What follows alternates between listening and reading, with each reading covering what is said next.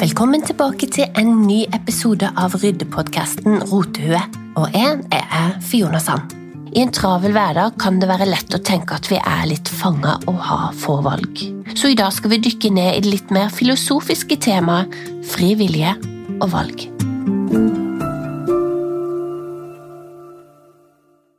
Jeg har alltid vært fascinert av fri vilje som tema, og som du vet fra tidligere så har jeg studert filosofi. Selv om det var et studie jeg følte jeg kanskje ikke fikk brukt helt til noe jobbmessig, så ga det meg mest som menneske. Fri vilje hørte vi tidlig om i Bibelen, og at det er noe som er spesielt med oss mennesker. Vi er født med fri vilje. Vi tar utrolig mange valg hver dag, og for noen så kan det virke litt overveldende. Noen valg gjør vi uten å tenke, det går på automatikk, men noen valg gjør at vi må stoppe opp og vurdere. Valg kan også skape utrygghet og angst og vi har vanvittig mye frihet når vi tenker etter. Tenk deg at du står på kanten på prekestolen. Du kjenner kanskje et sug i magen og en plutselig engstelse. Kanskje blir du redd.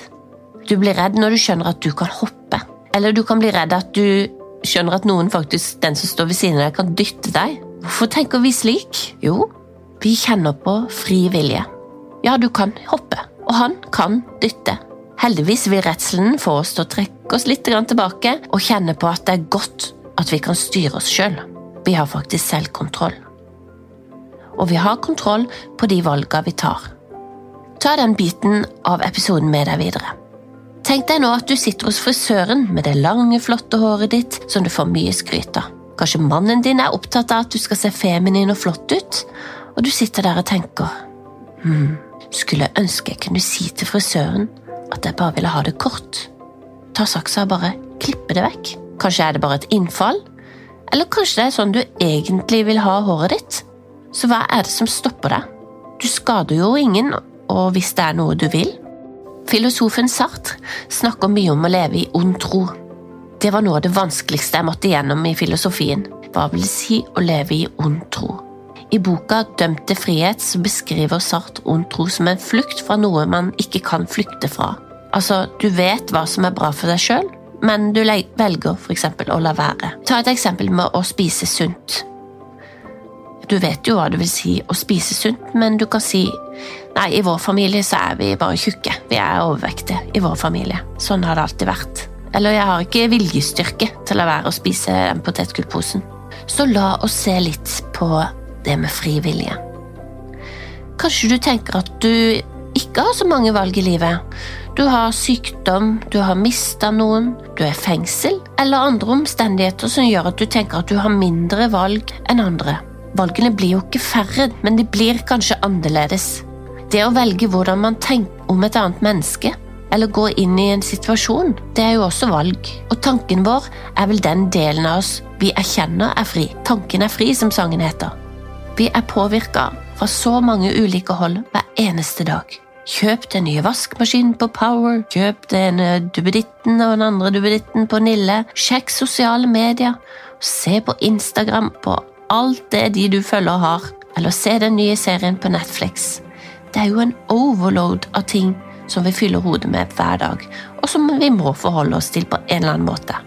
Et valg er jo også å la være å kjøpe den buksa du akkurat så på reklamen, eller la være å drikke de tre øla som ligger i kjøleskapet, eller for min del det verste, la være å spise den chipsposen jeg har så lyst på.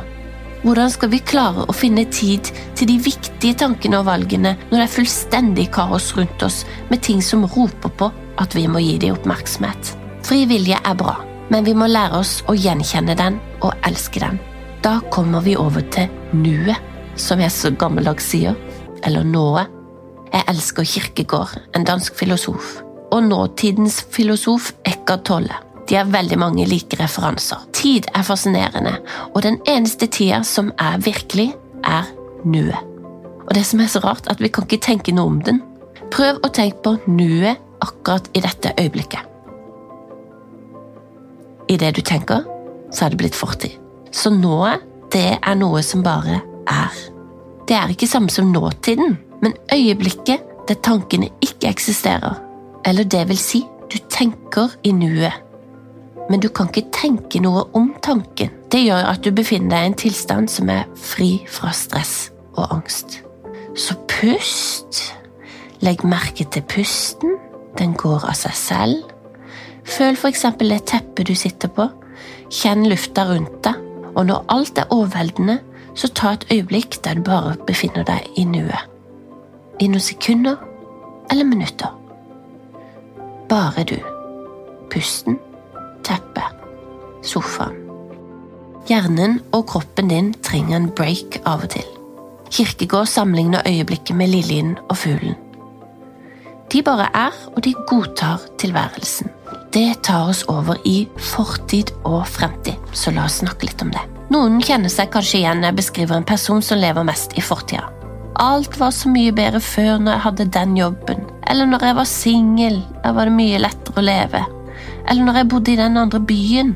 Åh, jeg savner studenttida, da gjorde vi sånn og sånn og bla, bla, bla og tenk deg at det har blitt slutt med kjæresten som du har vært sammen med og bodd sammen med i fire år. Du vet at forholdet ikke er bra nå, og dere krangler hele tida. Kanskje har noen vært utro, likevel så har du en stor sorg. Du sørger over den du var sammen med han da dere hadde det bra, sammen med de som lever for mye i fremtida. Om bare sånn og slik kunne skjedd, da vil jeg bli lykkelig. Om jeg bare finner en kjæreste, og når jeg får de skoa, og når jeg kjøper den hytta, da skal jeg slappe av. Og så var det denne kjæresten som gjorde det slutt. Du sørger jo i dette tilfellet også, men sorgen er størst for det som skulle vært. Du sørger kanskje over at dere ikke fikk den familien sammen som dere hadde tenkt. Kanskje hadde dere barn sammen, og nå ble de delt i to hjem. Og så sørger du over at det fine huset dere skulle hatt sammen, den gode økonomien dere skulle hatt, det falt nå i grus. Og det er en sorg. Kjenner du deg igjen? Det gjør iallfall jeg. Jeg liker Eckhart Tolles setning. Om du ikke har et problem akkurat nå, så har du ikke et problem. Fortid kan man ikke endre. Det er bygons, og fremtid er noe som ikke har vært, eller bare en forestilling om noe skal skje, eller kanskje kommer til å skje. Så tenk litt på det neste gang et problem dukker opp. Har du et problem akkurat nå? Angst er ofte skapt av mye av det vi har vært igjennom i denne episoden. Vi blir overveldet av alt og alle. Overveldet over valga og mangelen på kontroll vi har på egne valg. Kanskje vi assosierer oss med fortida og sier at det er sånn jeg egentlig er, eller engster oss for fremtida og tenker at den er allerede bestemt for meg. Disse tingene stemmer jo ikke, med mindre du velger at de skal være en del av det. Aksept har vært et ord som har hjulpet meg mye. I en periode i livet måtte jeg akseptere at akkurat nå har jeg ingen gode venner. Og det var ganske tøft, for jeg hadde veldig mange jeg gikk sammen med. Eller kanskje du må akseptere at akkurat nå har jeg en jobb jeg ikke liker. Akseptere for seg selv, det gjør at du har mulighet til å risette og rydde litt opp, og så tenker jeg ok, nå er det sånn. Nå må jeg ta valg som gjør at jeg får det jeg ønsker å ha. Eksempel gode venner. Da må man luke litt opp i de vennene som kanskje ikke du følte likte deg for den du var. Kanskje for de vennene du måtte føle du spilte et skuespill overfor. Du er den du er nå, og dine valg og handlinger bestemmer, ikke dine tanker. Så, helt til slutt, ta fem minutter for deg selv i dag, og så legger du merke til din egen pust. Kjenn på takknemlighet for at hjertet ditt slår. Du er verdifull, og kroppen din, den jobber for deg. Du kan ta valg som er bra for deg, og du kan ta valg som gleder andre.